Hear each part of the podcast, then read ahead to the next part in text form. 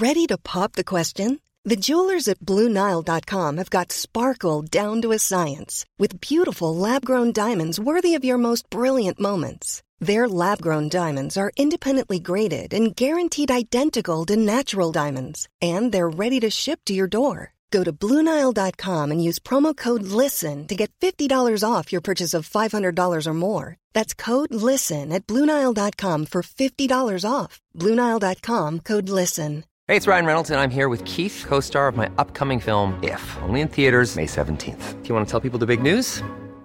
All right, I'll do it. Sign up now and you'll get unlimited for $15 a month in six months of Paramount Plus Essential Plan on us. Mintmobile.com slash switch. Upfront payment of $45 equivalent to $15 per month. Unlimited over 40 gigabytes per month. Face lower speeds. Videos at 480p. Active Mint customers by 531.24 get six months of Paramount Plus Essential Plan. Auto renews after six months. Offer ends May 31st, 2024. Separate Paramount Plus registration required. Terms and conditions apply if rated PG. I'm Sandra, and I'm just the professional your small business was looking for. But you didn't hire me because you didn't use LinkedIn jobs. LinkedIn has professionals you can't find anywhere else, including those who aren't actively looking for a new job but might be open to the perfect role, like me.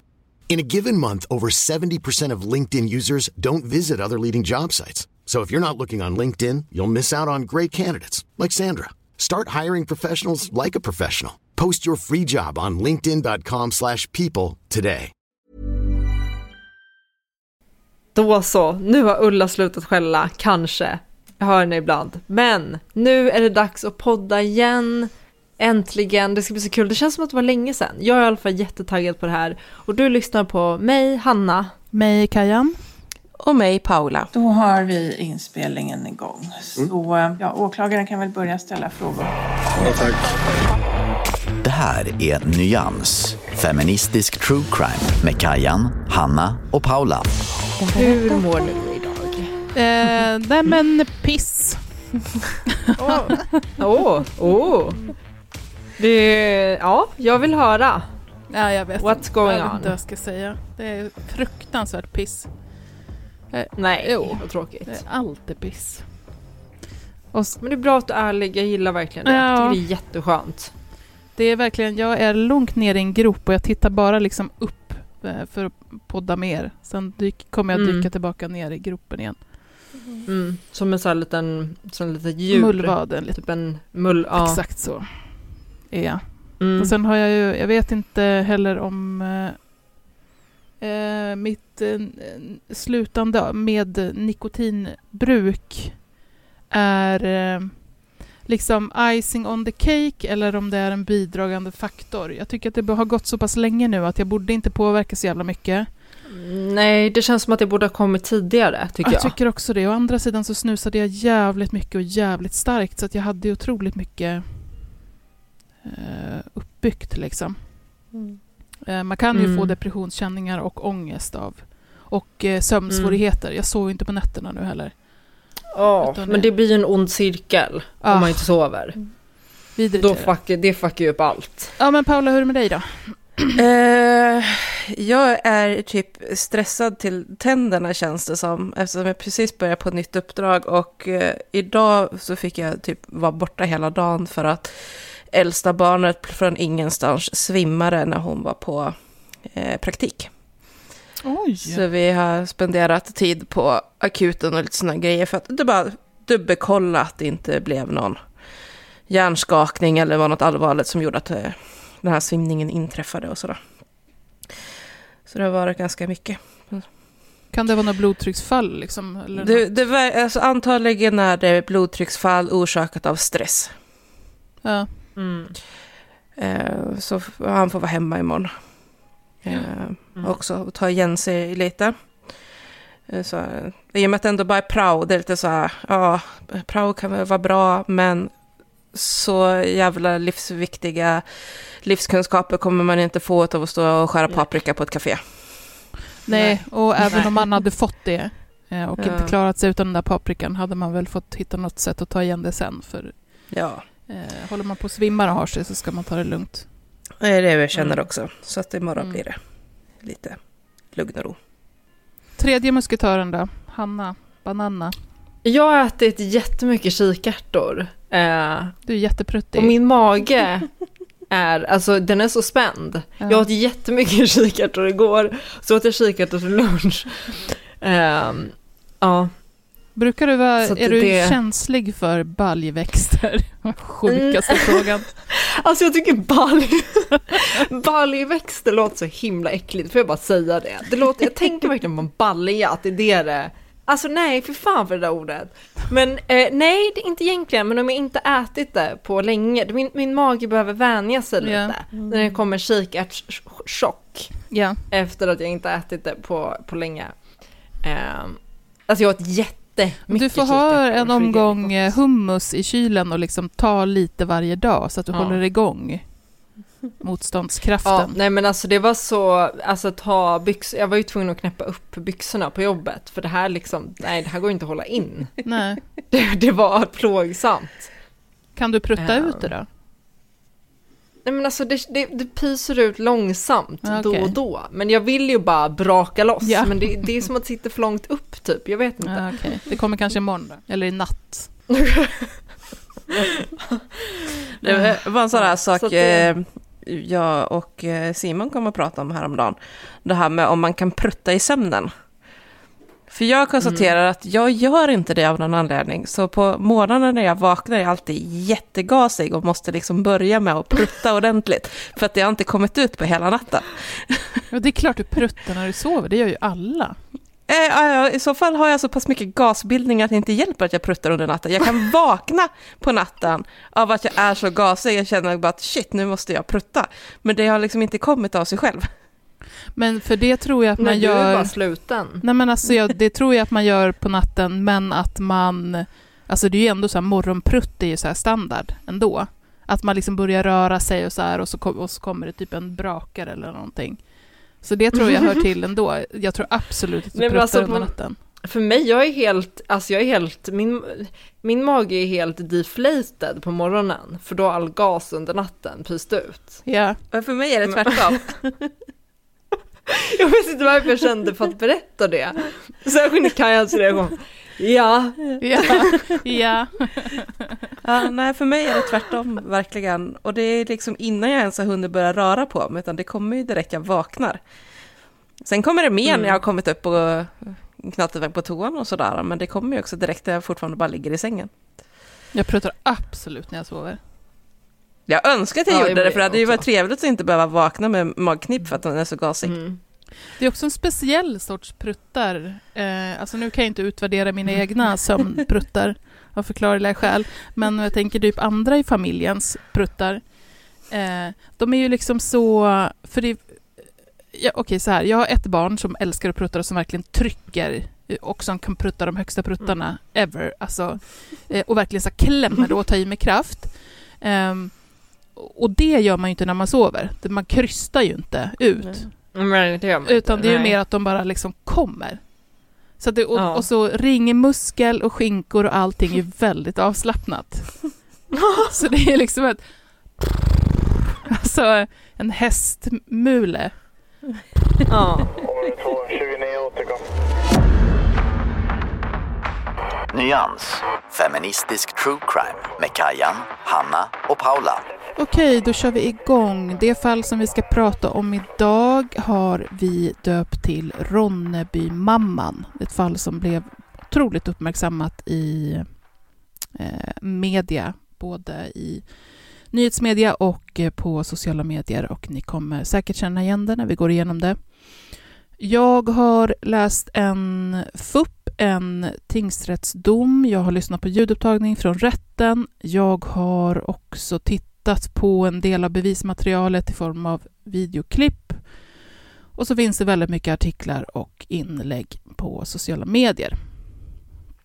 De som vi kommer att prata om idag är med fingerade namn ett eh, offer, en treårig flicka som vi kallar för Jennifer. Vi har en förövare som är mamma till Jennifer och som vi kallar för Stephanie.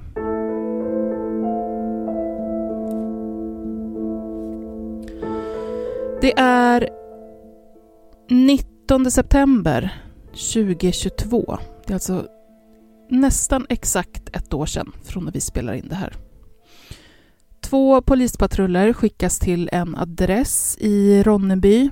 De har blivit kontaktade med uppgifter om att en mamma har misshandlat sitt barn och eh, filmat det här. Filmerna ska sedan ha spridits på bland annat Snapchat och har till slut även nått pappan till barnet. Han är inte samboende med mamman och i samband med anmälan till polisen så eh, beger han sig också mot lägenheten där mamman och dottern bor.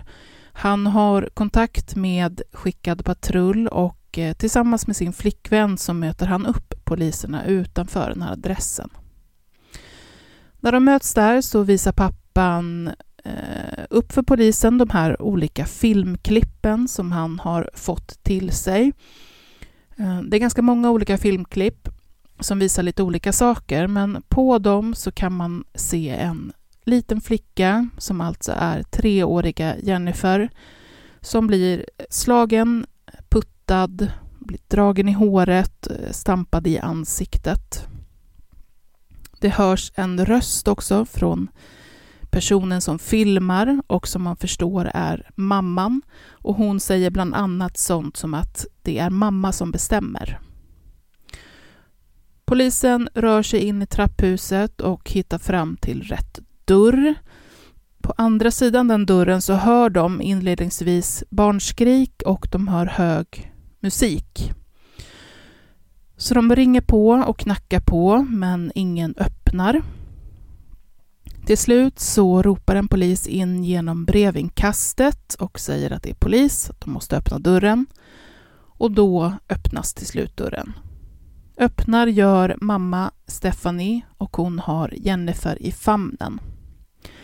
I lägenheten finns också Stephanies mamma, det vill säga Jennifers mormor. Eh, polisen tar om hand flickan på en gång och eh, de kommer ta in henne och de har naturligtvis parallellt kontakt med SOS eh, som, som följer med, som det alltid är i sådana här ärenden. Och man dokumenterar eventuella skador på flickan. Det är inga stora skador som man hittar. Det man kan se är några rodnader, det är några skrubb, eh, mindre skrubbsår, eh, några mindre rivsår, någon liten tendens till ett blåmärke någonstans och sådär, men inga stora skador. Eh, efter det så kommer treåriga Jennifer att få åka till den kontaktfamilj som hon redan innan det här eh, hände har varit hos varannan helg. Eh, man bestämmer att hon inte ska åka till sin pappa pappa därför att hon har inte haft det umgänget med pappan och hon har sovit där någon gång. Så man vill göra det här så smidigt och tryggt som möjligt för, för flickan så hon får åka till, den, till eh, kontaktfamiljen då, som hon redan känner. Och under tiden så förhör man Stephanie. Och det Stephanie berättar är det här. Hon har via Instagram fått kontakt med en man som hon har blivit kär i. Ehm, han heter rätt säkert inte det här, så jag tänker att vi kan använda det förnamn som förekommer i, i FUP och DOM, och det är Alavi. De får kontakt då genom att Alavi vill börja följa henne på Insta och hon skickar DM till honom för att få reda på vem han är och varför han vill följa henne. Ehm, och de börjar då prata. Han ger henne komplimanger och och eh, de börjar höras i princip varje dag. Det här var i juni eller juli eh, förra året, det vill säga bara ett par månader innan eh, Stephanie grips. Stephanie berättar hur hon och Alavi har kontakt då var och varannan dag, hur hon blir kär i honom och att de pratar om att eh, de ska träffas väldigt snart, för de har ännu inte träffats IRL. Men också att de ska flytta ihop och bo tillsammans som eh, ett par och som en familj. Alavi skriver till Stephanie att hon nu kommer att få ett bra liv och att hennes dotter Jennifer också kommer få det i och med då att de flyttar tillsammans med honom. Men sen så vill Alavi reda ut ett par saker. Han säger till Stephanie att han märker att det är Jennifer som bestämmer hemma. Hon bestämmer över sin mamma snarare än tvärtom och nu vill han se bevis på att det faktiskt är Stephanie som bestämmer. De här bevisen vill han ha i form av eh, videofilmer. Och han ger tydliga instruktioner för hur de här videofilmerna, eh, vad de ska innehålla. Han säger till Stephanie att hon ska putta Jennifer, att hon ska ge Jennifer örfilar, att hon ska dra henne i håret, att hon ska stampa henne i ansiktet med en, en skobeklädd fot och så vidare. Och Stephanie gör det här. Hon säger egentligen inte mer i förhör om varför än att hon trodde att hon och dottern skulle eh, få ett bra liv med Alavi och att hon ville göra som han sa för, just för att de skulle få det här bra livet. Hon kan inte förklara logiken eh, närmare kring det där.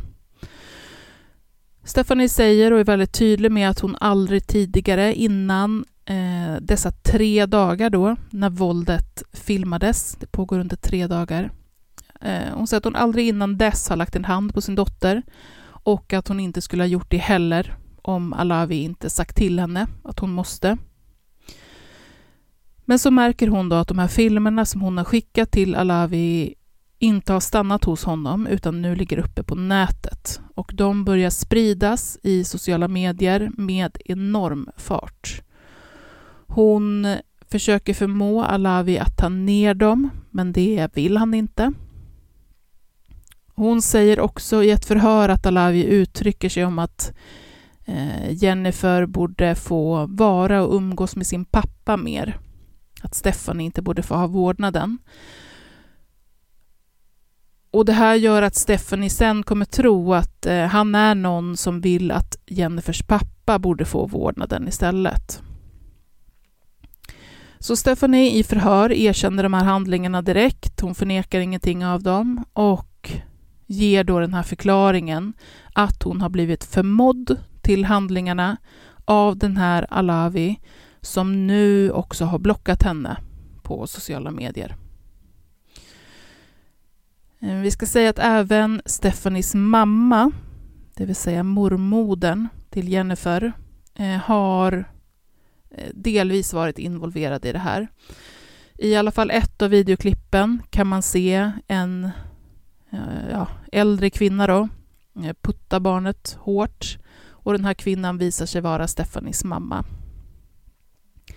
Alavi har också gett instruktioner om att Jennifer ska säga förlåt till sin mormor, vilket de tvingar henne till att göra, eh, trots att hon eh, inte har gjort något mot sin mormor. Då. Eh, Stephanie får ju frågan i förhör om vad hennes mamma säger om den här behandlingen av, av Jennifer och, och Stephanie säger då att hennes mamma har schizofreni och eh, citat, är som ett barn i hjärnan. Ehm, så att hon inte fattar, helt enkelt. Mm. Jennifers pappa då, som vi började med att berätta om, som åkte till lägenheten där med sin flickvän, han berättar också en del. Han lägger stor tid på att prata ner Stephanie. Han kallar henne sjuk i huvudet, han raljerar om hur många män hon ligger med han säger att han får ett samtal av sin flickväns bästa vän och den här bästa vännen har sett de här filmerna och ringer för att informera pappan om dem. Eh, och det är så han får vetskap om det här. Ett eh, annat vittne berättar om hur hon gått i samma klass som Stephanie för väldigt länge sedan och att hon får ett samtal från en ja, kontakt eller en, en bekant som undrar om hon har sett de här videofilmerna som sprids just nu. Det har hon inte, men hon får se dem och känner igen Stephanie och larmar polisen. Eh, vi kommer diskutera det här lite mer sen, för jag vill i alla fall prata om det. Men det framkommer i alla fall också i förhör att den här Alavi har en syster Och den här systern är alltså samma person som är den eh, bästa vännen till pappans flickvän. Det vill säga den person som gjort så att pappan blivit uppmärksammad på filmerna.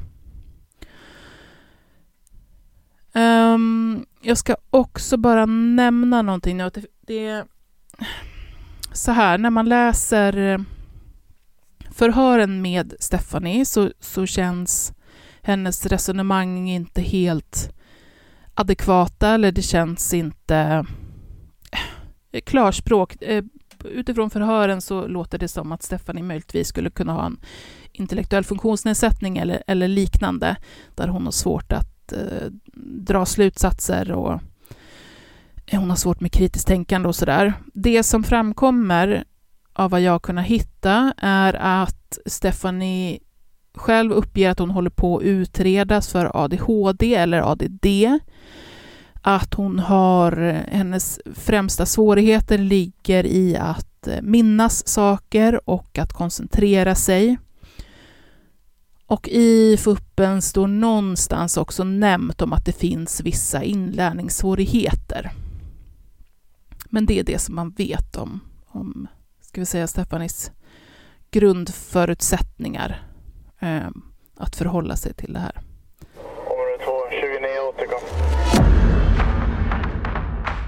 Nyans, feministisk true crime med Kajan, Hanna och Paula. Hey, it's Ryan Reynolds and I'm here with Keith, co-star of my upcoming film If, only in theaters May 17th. Do you want to tell people the big news? All right, I'll do it. Sign up now and you'll get unlimited for $15 a month in six months of Paramount Plus Essential Plan on us. Mintmobile.com slash switch. Upfront payment of $45 equivalent to $15 per month. Unlimited over 40 gigabytes per month. Face lower speeds. Videos at 480p. Active Mint customers by 531.24 get six months of Paramount Plus Essential Plan. Auto renews after six months. Offer ends May 31st, 2024. Separate Paramount Plus registration required. Terms and conditions apply if rated PG. Burrow's furniture is built for the way you live. From ensuring easy assembly and disassembly to honoring highly requested new colors for their award-winning seating, they always have their customers in mind. Their modular seating is made out of durable materials to last and grow with you. And with Burrow, you always get fast, free shipping. Get up to 60% off during Burrow's Memorial Day sale at burrow.com slash ACAST. That's burrow.com slash ACAST. burrow.com slash ACAST.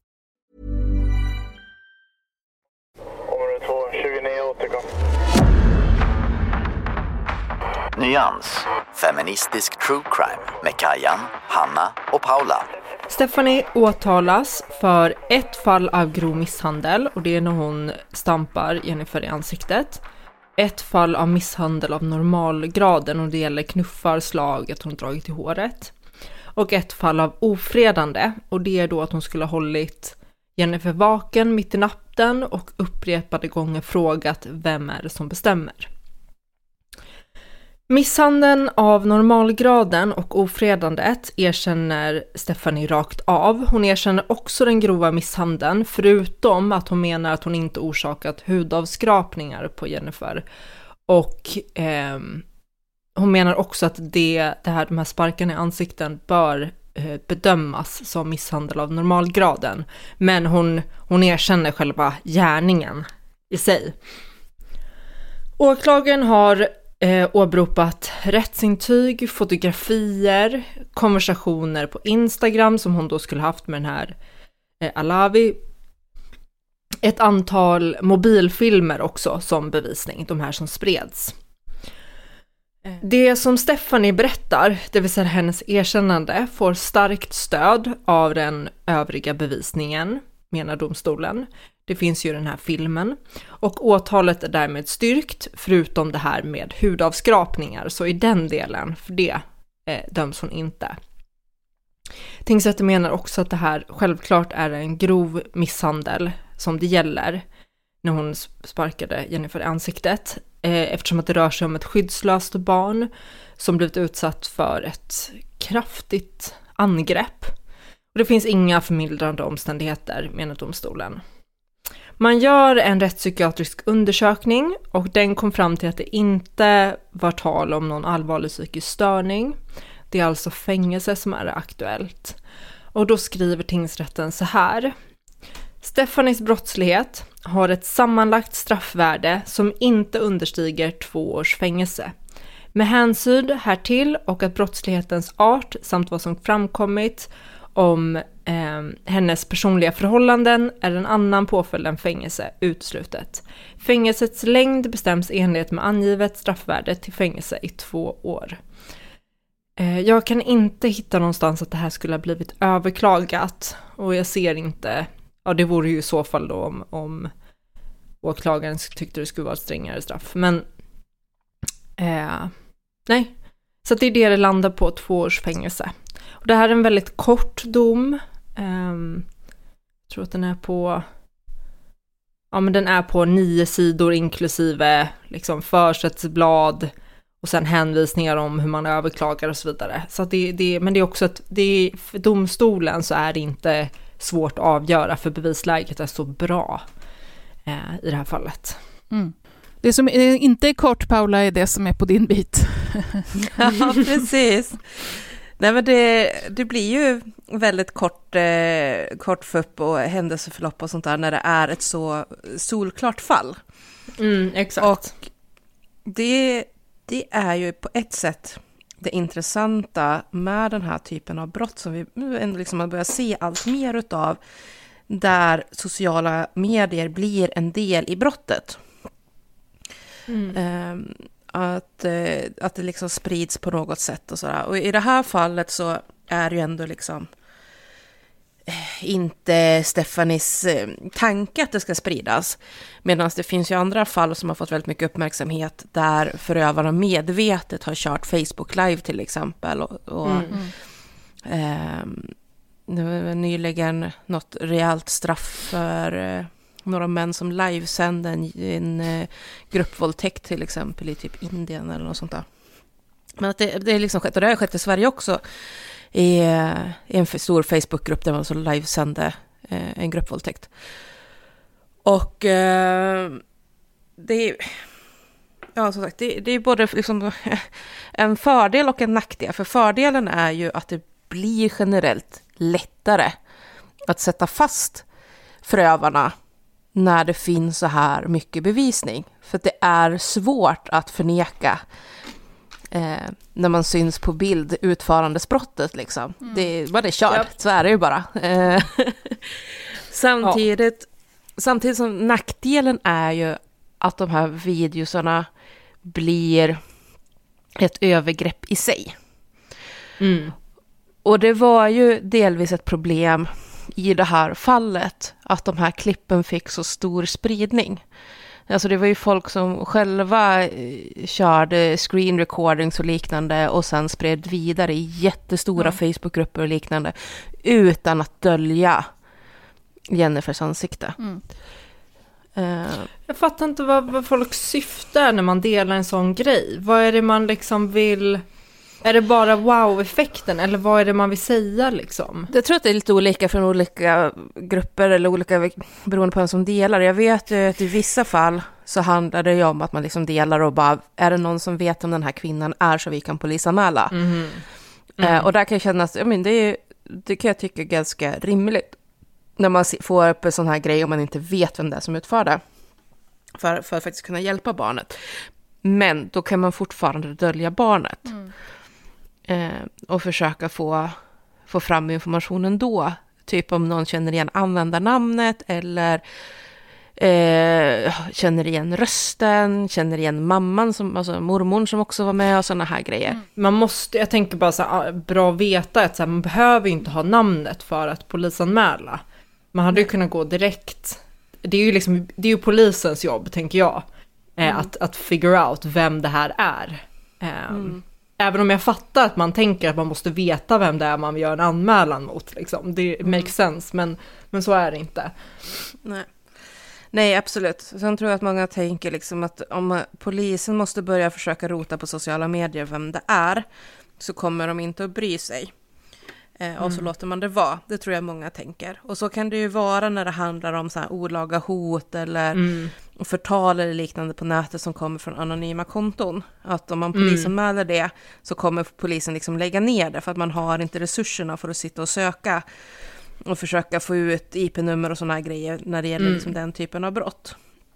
Eh, men när det gäller faktiskt barnmisshandel och så, då, då bryr de Ja. sig. Ja men exakt. Det Så är det- ju en, en ganska stark snaskighetsfaktor också, så är det ju. Och vi vet ju Ja, att det så är det. med nätet generellt så finns det ju eh, ja, men alltså, gud, stora tendenser till att man vill vara både utredare och, och jury och, och domare och liksom man vill, Mm. man vill ja, utgöra hela kedjan liksom själv. Så att Mm. får man sådana här bitar Mm. som man kan börja liksom, eh, nysta i och döma samtidigt så är, är man ganska snabb på att hoppa på det. Mm.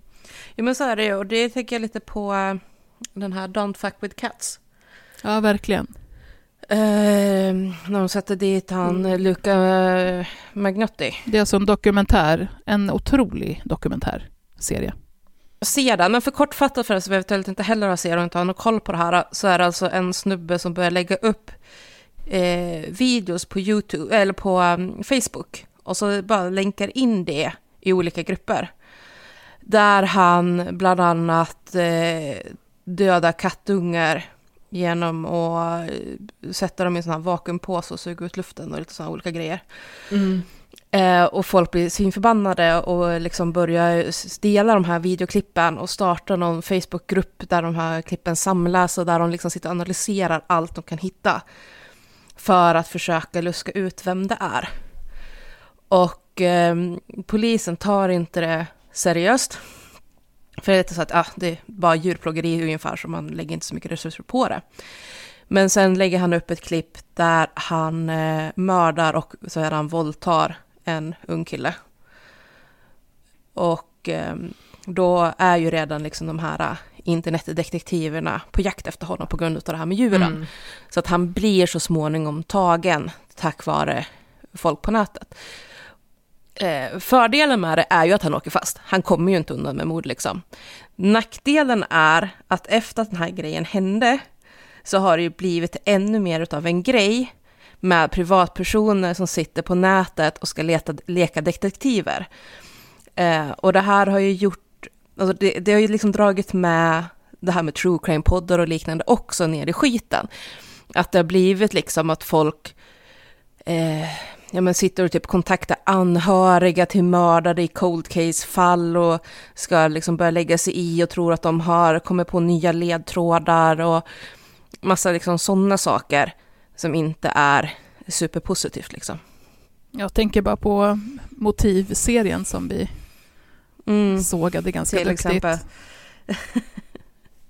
Verkligen, och då är det ändå en, en journalist som ligger bakom och så är det inte bara en helt total rando på nätet. Journalist, journalist, det kan vi diskutera. Kan jag väl inte befatta sig. Men, nej. nej, verkligen. Så, eh, men en sak som jag verkligen känner att vi, vi måste diskutera, det är ju det här med försvaret i att bara ha gjort vad en man på nätet har sagt åt henne att göra. I det här fallet. Eller inte egentligen bara i det här fallet, men vi, vi, börjar, vi börjar här. För att jag vet inte om jag köper det. Att det här bara kommer av att någon hon aldrig har träffat som säger snälla saker på nätet får henne på mindre än tre månaders bekantskap eller liksom chattande att börja misshandla sin egen unge. Och dra med sin mamma i det. Det känns som att det borde finnas lite mer spärrar innan man går så pass. Ja, och samtidigt tänker jag så här, ja det borde finnas sådana spärrar och gör nog det i de allra flesta fall. Jag tycker dock att det här verkar vara så extremt dysfunktionell familjesammansättning generellt men också person. Alltså det Mm. verkar vara mycket hos den här mamman som är eh, besvärligt. Det, är ju också hon, det finns ju många sidospår som, som både SOS och den här kontaktfamiljen berättar om att hon inte velat sätta barnet i förskola för att hon eh, har tyckt att hon orkar inte gå med barnet till förskolan. Liksom. Hon tycker att det är för, Mm. för långt. Att det, finns, att det finns stora svårigheter med att se konsekvenser i saker och ting. Mm.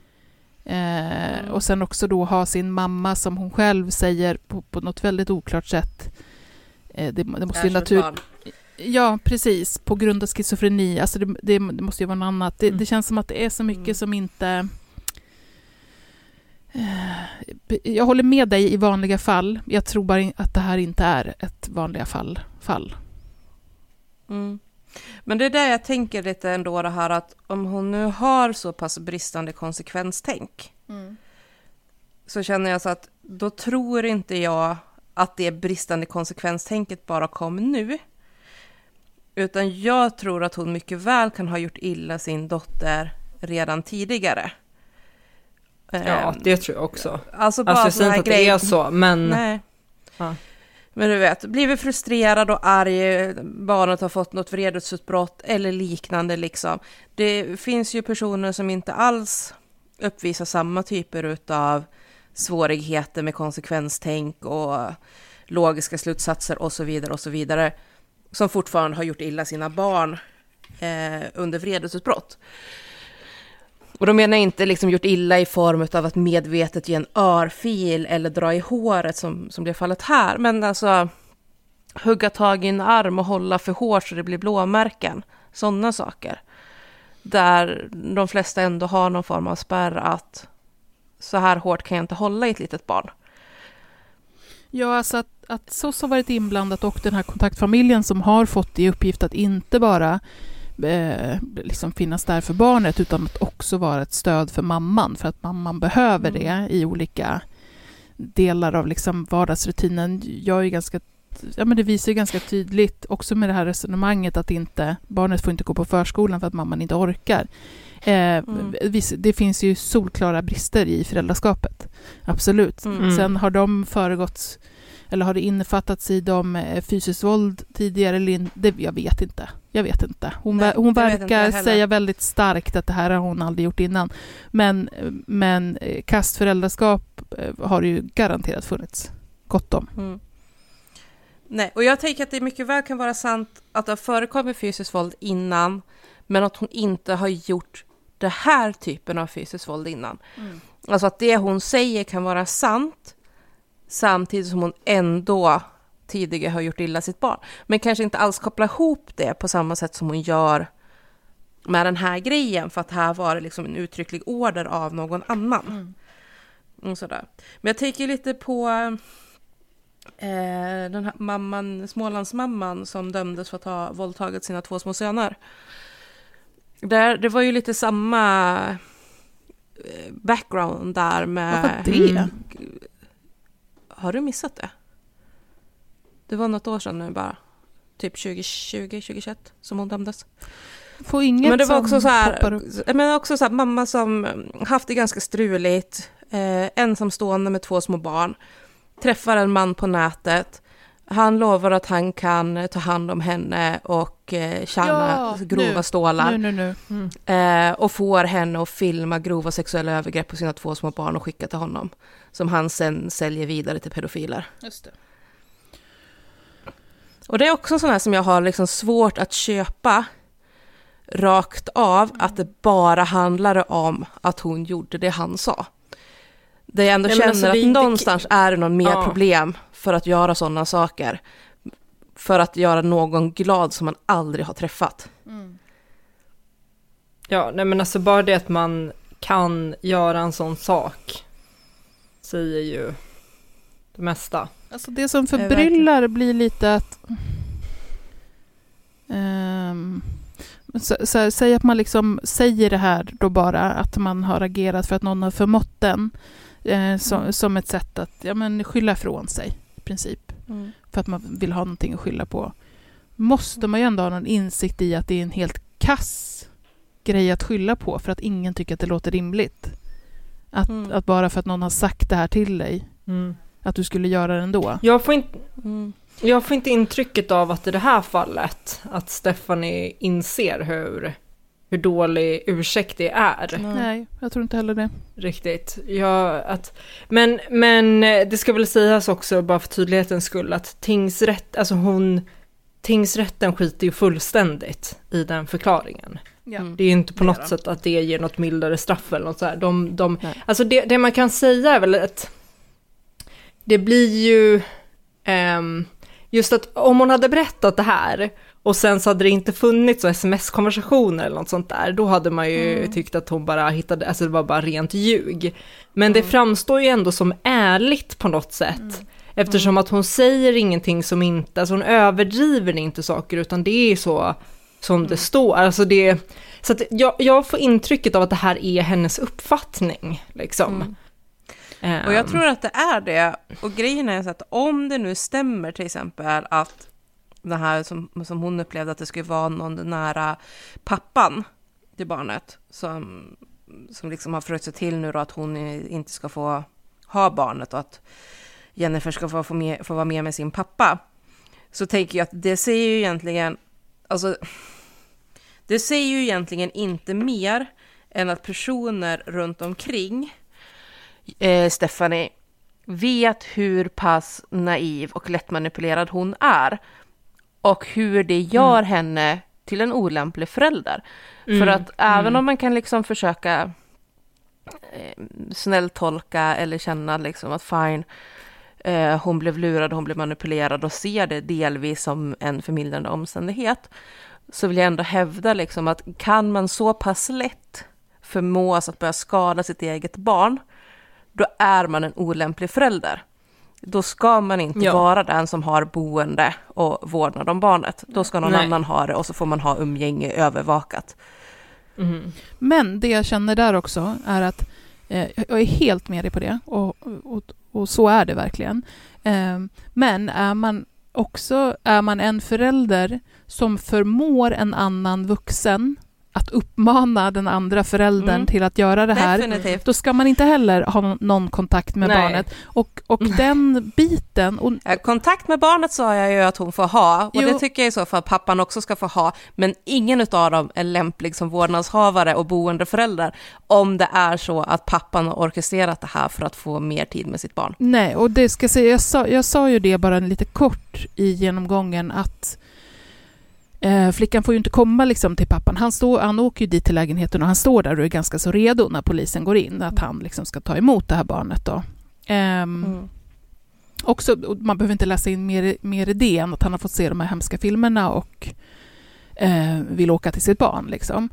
Men eh, SOS kommer ju inte att eh, skicka med flickan hem till honom. Och det är ju för Nej. att det, eh, det är mamman som har haft ensam vårdnad. Eh, och jag tänker av en anledning. Så, så kan man väl säga utan att läsa in mer. Eh, och att det helt enkelt inte faller ut så som man, om det nu är så att man hoppas att okej, den, den ena föräldern, ja, vi är två föräldrar, den ena föräldern eh, fuckar upp eller jag ser till att hen fuckar upp, det kommer betyda att barnet kommer till mig. Så funkar det ju inte, utan det finns ju andra alternativ. Mm. Som det blir väldigt tydligt Alltså jag- i det här fallet. Ja, alltså jag tänker lite grann som på det här fallet som fick så mycket uppmärksamhet för att man eh, trodde att det var pappan som, som lurade rätten när han fick behålla vårdnaden om en 15-åring och mamman inte beviljades vårdnad om den 15-åringen. Eh, eller är ensam vårdnad då. Vi, vi har ju pratat om det lite tidigare, för att det Mm. var så mycket uppmärksamhet om att han ju var, pappan satt dömd för att ha förgripit sig på eh, flickan. Och eh, genom att ha kvar vårdnad så hade han fortfarande viss kontroll över den här 15-åringen. Eh, och, eh, och då ville ju rätten inte göra en vårdnadsflytt från pappan till mamman. Eh, och där var det ju många som först var lite så att ja men det, det är för pappan är mani- manipulativ och sådana grejer. Och det kan han mycket väl ha varit. Men eh, när jag läste den domen och den genomgången om varför de sköt upp det här med eh, vårdnadsflytten så framgick det ju väldigt tydligt liksom att mamman var totalt olämplig som förälder. Och den här 15-åringen, det, när man är 15, alltså det, det är ju lite flytande, men eh, vid 15 så brukar man få ha väldigt mycket att säga till om kring sådana här saker. Eh, för man anses kunna föra sin egen talan rätt bra. Och den här 15-åringen var väldigt tydlig att den ville absolut inte tillbaka till sin mamma. Och definitivt heller inte till sin pappa. Mm. Så att det, det är liksom bara ett barn som haft oturen att få två undermåliga föräldrar. Yeah. Och sånt händer. Det är som att folk ibland vill tänka liksom att det alltid finns en god förälder och en mm. ond förälder. Mm. Och jag tror att i det här fallet så kan det också vara så att eh, Jennifer har fått oturen att få två olämpliga föräldrar. Ja. Och man kan vara olämplig på många olika sätt, så det måste ju inte heller vara så här att det handlar om att de är...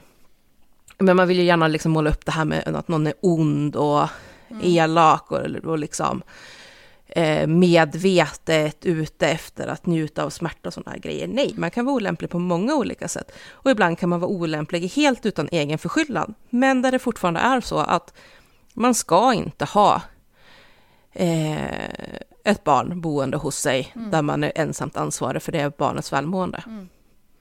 Och det är väl kanske lite bara det som, om jag bara får slänga in avslutningsvis det här, med lite det som talar mot jag vet inte ens om man kan säga det. Nej men att det här är ändå en familj som SOS har varit så, alltså varit väldigt involverad i och haft mm. ganska tät kontakt med och man har inte sett vare sig dem eller kontaktfamiljen eller så har sett några tecken på någon, eh, ska vi säga i alla fall fysisk misshandel eller så tidigare. Um, mm. Där man ändå liksom har varit så här, det här, här kan det vara problem, här måste vi titta noga och så gör man det men man har inte mm. sett något. Det, man skulle kunna... Eh, sen finns det sådana mm. situationer där det sker ändå naturligtvis men... Mm. Ja, men jag tänker till exempel om det har förekommit tidigare att dra i håret så är ju inte det någonting som ger synliga märken eller så, om man inte faktiskt går in och verkligen noga börjar titta i hårbotten och sådär. Och det tror jag man gör ganska sällan, om inte ett barn verkar aktivt upprörd på något sätt. Mm. Ja, alltså det, det, finns ju fler paralleller och mer långdragna diskussioner man kan ta kring det här fenomenet i sig också. Eh, om, man, om man vill gå in på hela charity-grejen och där det finns personer som jag vet som har liksom lagt upp när de bestraffar sina barn i sociala medier och sådär. Just för att man vill använda skammen av sociala medier som en extra komponent. Mm. Alltså jag är fan eh, sick, förlåt, ja. men det där är så jävla sjukt. Mm. Igen, det, nu... det blir sån här offentlig skampåle typ. Ja, alltså jag lyckades nå av det. Nu var ju det här liksom ett, ett amerikanskt fall. Men då var det någon tjej, jag kommer inte ihåg hur gammal hon var, men tonåring. Säg gick kanske runt första året på gymnasiet, årskurs 9 liknande, något sånt, 15-16. Som skulle enligt då storyn ha retat en klasskamrat som hade blivit, eh, men tappat håret på huvudet till följd av cancervård. Och eh, när föräldrarna, eller jag, pappa var det väl framförallt, och fick veta att den här tjejen hade varit taskig mot sin klasskompis så filmar han när han tvingar henne att sitta kvar på en stol och sen rakar hela hennes huvud. Mm. Och därefter filmar när han tvingar henne att gå till skolan med rakat huvud. Och följer efter henne in alltså, i korridoren och filmar det här. Och sen lägger upp en hopklippt version av det här då, eh, på sociala medier och uppmanar andra vuxna att dela det här eh, och lära, liksom, hjälpa till att lära den här dottern en läxa. Alltså det är så otäckt. Så mm. fruktansvärt ja. otäckt. Snacka om olämplig förälder. Och, och där kan jag tänka lite grann, om man ändå ska dra någon liksom då mer tydlig parallell till det här fallet, att om det nu är så då att den här anonyma mannen, eh, för som sagt vi tror ju ändå liksom att namnet är påhittat, mm eh, har tagit kontakt i syfte att få Stephanie att göra illa sin dotter och filma och skicka till honom så att han sen ska kunna sprida det i sociala medier så att det ska få uppmärksamhet och hon ska bli av med vårdnaden om barnet. Mm. Så är ju det också en del liksom i, i den här plotten på något sätt, att räkna med att sociala medier kommer att liksom agera, dela, sprida vidare, förfasa, skotta sig i det här och man säga, fascineras av de här videoklippen, precis som det blev. Mm. Och är det då någon som faktiskt är i det här barnets närhet som tänker att det här är en bra idé, så visar ju det också just det här hur mycket distans det blir till saker och ting som man ser bara på en skärm. Att man tänker liksom att jag lägger upp det här och så kommer folk att reagera och det är inte så himla farligt, det är, det är ju bara sociala medier. Eh, att jag, jag, har så, jag har jättesvårt för att man, att man pratar om i verkliga livet versus på nätet.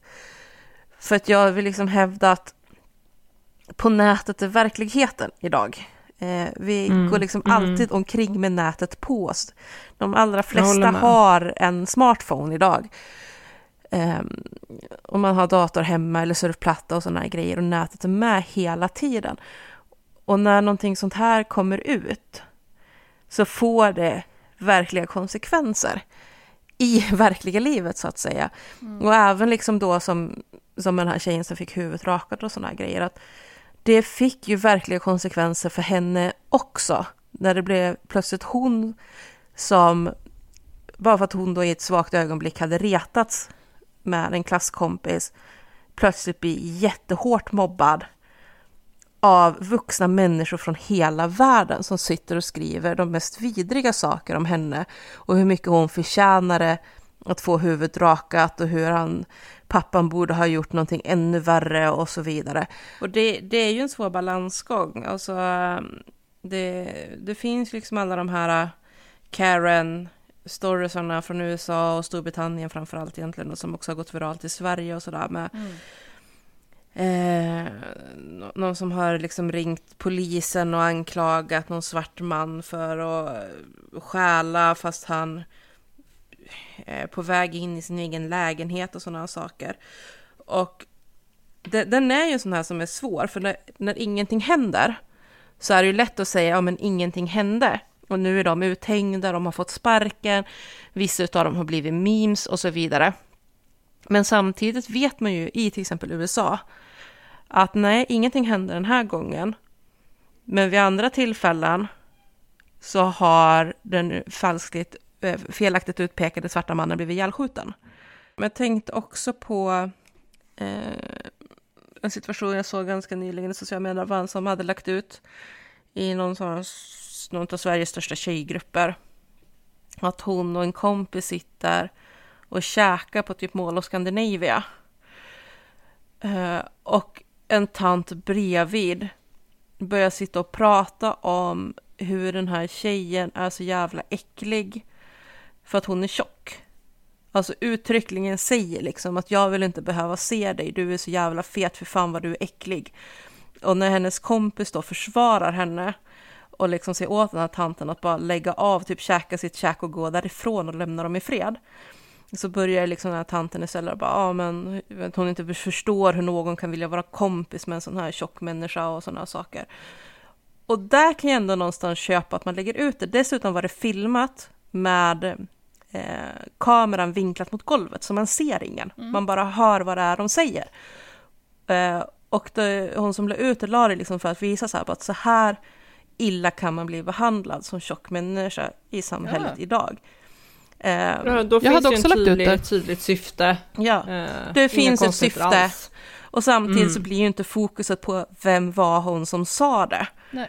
Nu ska vi leta upp namn på henne, för det är ingen som kommer veta det, för det går Nej. inte att se. Nej. Nej men det blir ju inte det här straff, alltså syftet blir ju inte att straffa någon, Nej. även om jag Nej. kan, den som är utsatt kan jag verkligen förstå att man vill det. Eh, utan mm. syftet blir ju att visa, som du säger, på strukturer. Det är inga konstigheter med det, det är ju bara jättebra. Ja, det, jag tänkte som ett exempel på det här, när, mm. när kan det fylla en funktion, när blir det någonting annat liksom. Men får jag fråga er, som jag, för att jag mm. saknade liksom i, i fuppen och jag vet inte om det finns i slasken eller om det liksom inte är gjort. Jag hade velat se någon liksom utredning kring det här med eh, huruvida det kan vara pappan som på något sätt har något finger med mm. i det här som mamman verkar tro. Jag tycker att det känns väldigt Mm. relevant eftersom att det här Mm. har gått så himla långt. Inte för att det tar skulden från mamman på något sätt i vad hon har gjort. Det ska du, det ska du verkligen inte påverka. Men det känns som en bit som skulle redas ut. Men vad säger ni så här Så Någon rent... slags ans, Ja men exakt, typ ansti... Alltså, någon som anstiftar... Jag tror att åklagaren eller förundersökningsledaren kände att det här inte är något alltså juridiskt, som, det här kommer inte kunna leda till något åtal för hans del, även om det vore intressant, särskilt ur ett barn, barnrättsperspektiv, att så här, utreda huruvida det är en lämplig förälder eller inte. Men jag tror, nu, nu tänker jag bara ur liksom åklagarens perspektiv. Eh, jag Mm. tror att man i så fall skulle tänka mer att det, det är en fråga som socialtjänsten, alltså, eller familjerätten, behöver reda ut. för jag, Eh, Det och jag också. inte, för de ska ju inte, de ska ju liksom, om de inte tänker sig om det här, här kan det röra sig om ett brott, så ska inte de utreda det. ja men det är det jag menar, kan det vara ett brott? Ja, Alltså eh, vi har, fort, vi har ju ändå en lag... jag tror inte det. Vi har ändå en lagstiftning, relativt ny förvisso, men som gör det olagligt att uppmana någon att ta livet av sig. Eh, det vill säga uppmana någon annan att utföra en, Mm. skada, en skadlig liksom, handling eh, på en person som inte är den som uppmanar.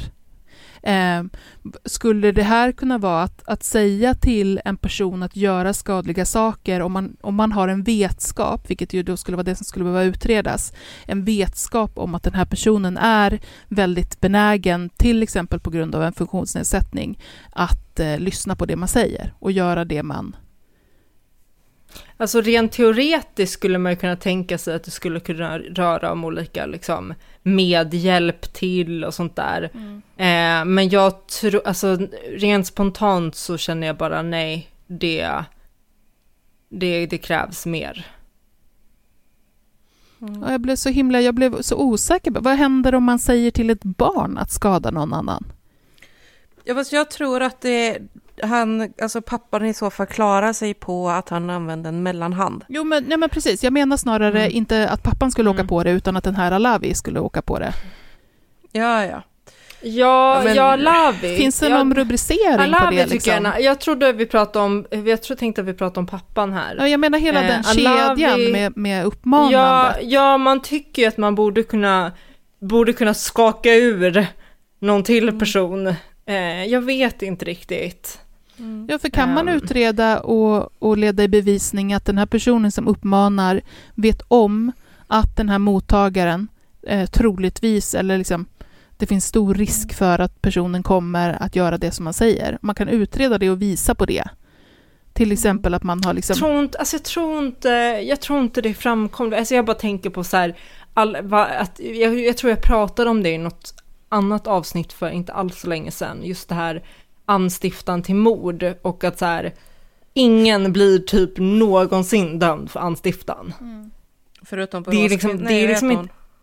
Det är så, det är så otroligt ovanligt. Mm. Det här just att du upp... Det, och jag vet inte, det, det har liksom blivit så. Ehm, Just utifrån den grejen så tänker jag att så här, nej det här skulle de aldrig gå. De skulle aldrig gå den vägen liksom. Men man kan också tänka utifrån ett mer, inte så här juridiskt, så här är det nu perspektiv, utan mer så här moraliskt. Och att det borde ju vara så att man inte hur som helst ska kunna uppmana folk till, alltså uppmana människor som man tänker faktiskt skulle göra det. Och manipulera människor till att göra saker hur som Ja, helst. för det, det- ska ju vara. Det är ju samma med uppmaning till självmord, Ja, att, vara att det liksom på något sätt eh, förvärras då, man vet om den här personens psykiska ohälsa. Och så, det gjorde vi ju i... ehm, vad, vad döpte vi det till? Eh, Stalking in the name of. Mm. Ehm, eh, där hon har uppmanat honom till självmord och där man Mm. liksom då utredde huruvida hon hade koll på hans psykiska status. Liksom. Att det är ju Mm. egentligen det är ju egentligen samma eller motsvarande situation. Att uppmana Mm. någon till våld eller skada. Mm. Jag blev så nyfiken på hur det rent rättsligt kunde liksom regleras. Ja, Mm. nej jag tror inte, inte så som det ser ut idag så tror jag inte det hade varit aktuellt. Men eh, Mm. det kanske det borde vara. Mm. Ja, Det är väl bara man tänka på. Arboga kvinnan som, som jag kan komma på på rak arm Mm. som sitter dömd. Och dessutom på livstid då för just anstiftan till mord. Mm. Alltså det är en hand, man, så jag tror man kan säkert räkna fallen på, på sina fingrar. Alltså så Mm. ovanligt som det är. Toppjuristen, fick För det- inte hon förs anse, alltså försök i alla fall? Nu dog ju inte han, men... Eh, det vill säga jag vet två, två toppjurister så som var det- som var ex och hon Ja. försökte få sitt Mm. ex mördad. Ja, det är möjligt. Jag vet att det var ju någon snubbe där också som var dömd till livstidsfängelse eh, till, för anstiftan för mord. När de sköt ihjäl fel person Ja, just det. i någon sån gänguppgörelse. Vi borde någon- köra ett anstiftansbrott hörni, känner jag nu. Och då Det- får vi nästan det- ta Arboga kvinnan. Ja, ja jag, Eller jag tror alltså- att det är dags Eller snart. alltså toppjuristen. Det fallet är Ja, ju så Ja. sjukt. Ja, men hallå, kan vi, vi borde göra det. Område 2, 29 återkom. Nyans. Feministisk true crime med Kajan, Hanna och Paula. Ja, alltså egentligen hade jag bara tänkt att vi skulle prata lite grann om att så kallade svarta änkan, så det är så media och att namnge mördare. Jag blir så jävla Så förbannad. Alltså det är så cheesy. Men är inte cheesy den, där, alltså. den där är gjord, hörni, kompisar. Den där svarta änkan är ja, gjord. Ja, ta, Ta något, något annat. unikt i alla fall. Ja, Ah. eh, för hon, hon dömdes ju till livstidsfängelse för två mord. Eh, det ska hon ha strypt en man med en elsladd på en fest. Och hon ska också ha mördat sin man eh, genom att helt enkelt få honom att tuppa av och sen tända eld på deras gemensamma lägenhet så att han brändes till döds. Och därav då namnet Svarta änkan för att hon har dödat män som hon haft relation med. Och det är också så här, det finns är så. så. jävla många Det män som bara har ihjäl eller skadar personer de är tillsammans med som aldrig får något cheesy jävla nickname. Nej, nej. Det är det de får bara heta. Gunnar Göransson. Ja, Ja. verkligen. Det finns ju någon amerikansk eh, seriemördare, vet jag, som mördade, jag tror att det var fyra fruar och när han kom till den femte och skulle mörda henne så överlever hon mirakulöst och då åker han fast.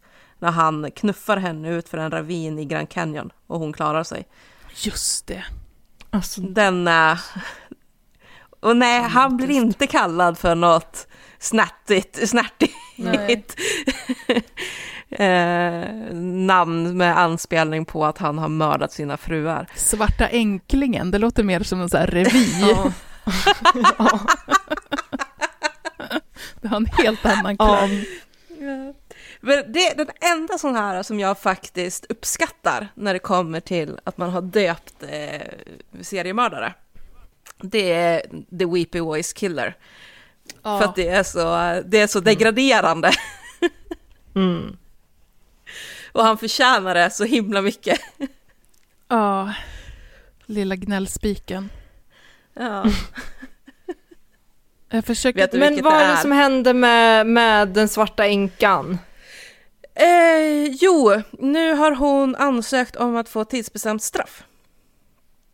Hur länge har hon suttit? Sen 2018, så det är fem år, så jag tyckte det låter lite tidigt. Det är ju ingenting. Vad sitter ni i båten? Vad håller hon på med? Man kan inte, det är ju tio år innan man ens kan börja. Ja, ansöka. det är det jag tänker också. För jag har varit lite så här där, men, nej, men när dömdes hon egentligen? eh, men jag måste fan dubbelkolla, för när jag kollar på det så får jag upp att hon dömdes till livstidsfängelse. Nej, det är jag... Jag vet inte varför det stod 2018 först. Nu, 2010 dömdes hon. Så då har det ju gått, det 13 år. sense. Ja, ja, Så då är det men då rimligt. så. Mm. Mm. Då kan hon börja söka. Mm. Jag tror inte hon kommer få det på första försöket. Nej. Tror, Det tror de inte jag kommer vilja heller. att det har gått längre tid. Ja, när hon har, hon har dessutom varit, suttit av ett fängelsestraff eh, 2004. Där hon då satt, vad blir det, fem år ungefär. Eh, fram till 2009. Eh, då satt hon inne för dråp. Så det här blir hennes tredje, eller ja, ja tre Ja. mord blir det då. Jag får inte ihop det. Nej, det måste vara det att hon ströp ihjäl den här mannen som hon hade levt med och det var det hon dömdes. Men... Äh, DN har skrivit så jävla konstigt. Skitsamma. 2010 blev hon i alla fall dömd Mm. senast och det är då hon fick livstidsstraff. Eh, och då var det för att ha eldat upp sin man. Och eh, anledningen till att jag vill prata om det är för att eh, GV såklart har fått uttala sig. och det är Mm, alltid eh, spännande Första när. GV får säga någonting. Ja. Vad sa han? Eh, det är utmärkt om hon får sitta några år till. Okej. Eh, Mm, jo. ja, och jag att han tycker absolut inte att det ska bli något tidsbegränsat ännu. Men alltså vad är det här för konstig grej att tycka till? Alltså, det blir så här, jag vet inte, det är något väldigt weird med att han säger så här, ja det tycker väl alla, det är väl liksom inget, så- alltså, nej jag fattar liksom inte. Det var så otippat om han bara, Eh. äh, hon är färdig nu, hon kan få komma ut. Ja, Hon är lugn. Nej, ja men det är ju att om vi får ihop det här så kan jag trycka lite på det här, eh, ja men skapa lite drama igen kring det här. Att ja. Hon beskrevs som så otroligt kylig, att hon stod och tittade på räddningsarbetet efteråt när, när eh, brandkåren kom för att försöka släcka branden så stod hon och tittade på och lite sådana här grejer. Att det finns ju de här snaskiga detaljerna som man nu då kan liksom bygga upp igen. Eller ja, Mm. ja, de vill väl sälja, sälja artiklar. precis. Det är ju ganska mycket som händer i Uppsala just nu va? Med eh, gäng som... Eh, Jag såg det. Eh, Mm. Så att det, och jag är ju liksom i... Där åt det hållet mördades det en person, där åt det hållet mördades det en person och där åt det hållet mördades det en person. Det är helt jävla Mm. galet just nu alltså. Ehm, frågan är hur vi skulle man, eh, ska vi, vi göra någonting på den här räven-skiten? Ja, det får vi väl göra, det är väl dags. Vi får väl bita i den. Vi ska se när Nikolas kan vara med också. Det hade ju varit toppen. Jag gillar att lyssnarna får liksom följa med på vår planering. Nej, men jag tänker också bara så att de inte tror att vi så här, ja, men det här har- rör vi inte, eller det här tänker vi inte Nej, på. men det är klart, jag, jag tycker absolut att vi ska göra det. Ja. Eh, jag, Och det kan vi säga att vi har ju liksom hållit lite på det för att vi vill få prata och göra en intervju för Patreon eh, med någon som har bra insikt kring gängkriminalitet. Mm. mm, Eh, och vi har fått Nicolas Lunabba att säga ja till att vara med. Nu ska vi bara lyckas planera in när det kan passa att spela in också. Det är Mm. alltid det med som kan dra ut på tiden. Eh, och, eh, och då var ju tanken att vi skulle liksom få ihop ett fallavsnitt med gängtema och därefter ha en intervju då, där vi kan djupdyka i det. Men jag tror att vi får helt enkelt köra fallet och så får intervjun bli, bli när intervjun blir. Och det finns Ja, ju fler fall man lösa kan det. ta också, så att det... mm. Ja, vi får klura lite kring hur vi, ja men precis, hur vi lägger upp det. Så vi har liksom inte medvetet skitit i gängkriminaliteten och att lyfta det, utan vi har snarare haft det som att okej, hur tar vi oss an det här på bästa sätt? Och nu är det ju en ganska eller en väldigt extrem situation också, så att vi kanske får lite eld i baken med att komma på ett bra koncept så vi kan ta i det här. Mm. Mm. Jag tänkte säga angreppssätt, men det kändes så aggressivt. Ja, nej men det helt så här, det var någon som ringde på min på porten idag, alltså på porttelefonen och jag, det var ingen som jag visste skulle komma. Och att jag direkt så här fick tanken, bara helvete heller att jag öppnar. Alltså för att en av dem som blev ihjälskjuten Ja. var ju liksom en helt fel person. Alltså en person just som bara det. jobbar liksom i eh, hemtjänsten, hade noll anknytning Men till Mm. till de här överhuvudtaget. Eh, också för att det är eh, väldigt, väldigt unga personer som eh, Mm. inte, inte är Uppsala, inte är kända av Uppsala-polisen som liksom kommer hit och, och utför de här brotten. Och de är så extremt unga, alltså det är så små, det är så små Mm. kids alltså som åker runt och har ihjäl folk. Nej, det är så sjukt. Men det var som förra veckan, i onsdags, förra veckan när vi spelade in podd.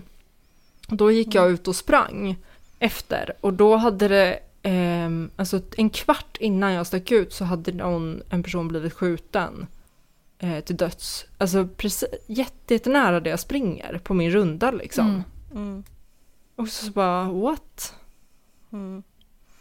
Just nu är det väldigt tydligt. Alltså, det är ju sånt vi kommer att prata mycket mer i detalj om när vi väl kör de här avsnitten om gäng.